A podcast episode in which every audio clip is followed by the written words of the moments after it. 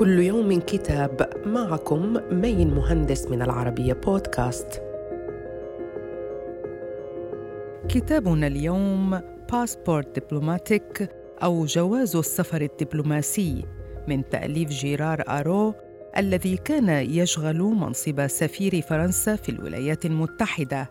يعرض فيه الكاتب التسلسل التاريخي الطويل لملفات شائكة ومهمة كالملف النووي الإيراني وملف العلاقات مع إسرائيل ويتضمن الكتاب مجموعة من النصائح للدبلوماسيين الفرنسيين الشباب ويسجل آراء الكاتب حول الوزراء والرؤساء الذين عمل معهم على مدار تاريخه المهني والذي بدأ بعد عامين فقط من انتخاب الرئيس الأمريكي رونالد ريغان وانتهى بعد عامين من انتخاب دونالد ترامب.